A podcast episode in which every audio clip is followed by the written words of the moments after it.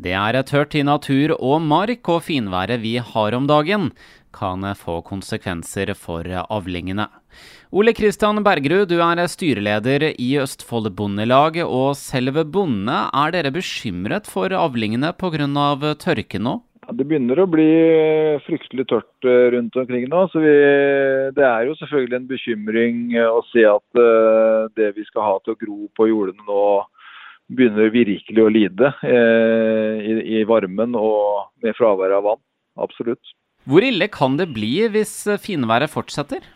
Det som, uh, det som skjer, er jo at plantene rett og slett blir så stressa at, at de skyter. og altså kornet, da, og skyter altfor tidlig og er i, er i veldig i hemma vekst. og Da vil vi få veldig veldig reduserte avlinger. Det er på kornet. og på gresset så er det jo, der har vi jo mange tatt en førsteslått nå. Vi driver nå i disse dager. og eh, Der vil det jo ikke gro opp eh, noen ting hvis ikke det får vann eh, på seg. så Det ser man jo på, hjemme på gressbrønnene sine f.eks. At at det blir helt gult. og Det samme skjer jo på jordene. så Det gror ikke opp noe, noe nytt gress. Og så Samme er det jo for så vidt på grønnsaker. Der har man jo ofte litt mer vanning og litt mer muligheter rundt det. Men, eh, men der kan, blir det også rett og slett for, for tørt og varmt eh, for at det skal fungere godt. Så Eh, det er, noe, det er, ikke noe, gunstig situasjon for oss. Men hvordan planlegger dere egentlig til altså sånne norske somre? Altså at Norge kan ha varme og tørre somre.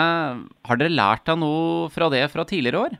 Ja, det har vi. Eh, det har vi absolutt. Og det er, det er mange som har tatt en del forhåndsregler. Det, det, går på at jorda må være i god hevd, sånn at han, er, at han tåler tørke mer.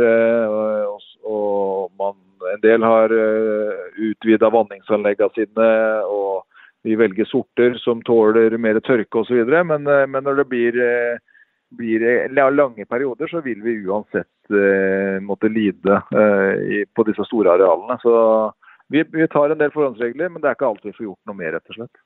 Og så er det vel ikke alle som får vanna heller? Nei, absolutt. Eh, mange ligger for langt unna vannkilder, eller, eh, eller, at det er rett og slett for dyrt å lage store vanningsanlegg. Eh, på store arealer det, blir, det blir veldig store volumer som skal til, og det krever mye kraft for å løfte vannet. i den, Det må jo løftes opp fra, fra en vannkilde og opp til det jordet det skal på. det, det, koster ganske mye penger å holde dette i drift også. så det er et, det er et spørsmål om, om en kan få en en økonomisk avkastning også, selvfølgelig. Ole Kristian eh, Bergerud, du er jo styreleder i Østfold Bondelag og selv bonde. Hva er det du gjør med jordene dine nå? Ja, nå har vi tatt en førsteslått eh, på mye areal. Jeg driver med, med andekuer. Eh, der får vi ikke gjort så veldig mye. Vi må bare håpe på regn. Eh, i, på, I kornarealene våre så har vi sådd eh, fangvekster fangvekstene skal eh, ta opp restnæringsstoffer utover høsten. Der har vi i år da valgt en strategi med å doble eh, mengden kilo fangvekster på arealet for å få en tettere vekst, sånn at vi eventuelt har noe å høste eh, senere på høsten. Da. For det vil jo komme vann før eller siden, eh, og da, da, vil vi kunne, kunne være mer berga med fôr da, til dyra våre. Så Det har jeg oppfordra flere til å gjøre, det, og det vil jeg fortsette å oppfordre til. Tenk litt på hva man gjør på kornarealet. Så i en fangvekst, underkultur, som kan, som kan være god å ha til å slå til fôr utover høsten. Om det kommer en kort og intens skur, hjelper det? Alt regn vil jo hjelpe, men, men, korte skurer hjelper veldig lite, for det fordamper veldig fort igjen. Så det beste vi kan få, er regn flere dager etter hverandre. Pent regn.